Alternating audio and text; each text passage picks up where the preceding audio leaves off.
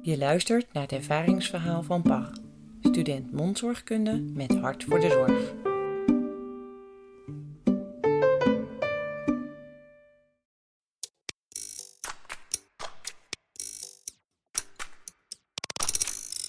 Het is maandagochtend in de kliniek van Hogeschool Utrecht.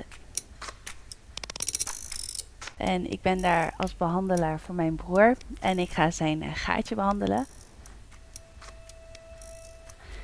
En mijn broer die komt daar heel nerveus naar me toe. Hij begint heel veel vragen aan mij te stellen. En zit een beetje zo in en weer te wippelen op zijn stoel. En terwijl ik bezig ben, merk ik ook dat hij uh, heel veel geluiden maakt.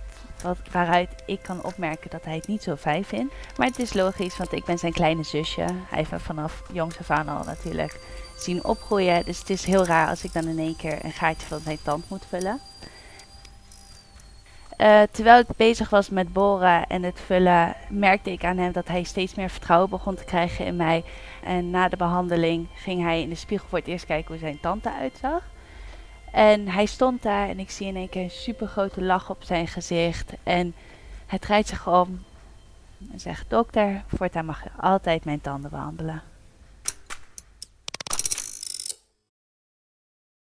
De serie Niet zozeer van zorgdragers bestaat uit meer mooie verhalen. Ben je nieuwsgierig? Volg ons via social media en de nieuwsbrief. Kijk voor meer informatie op zorgdragers.nl.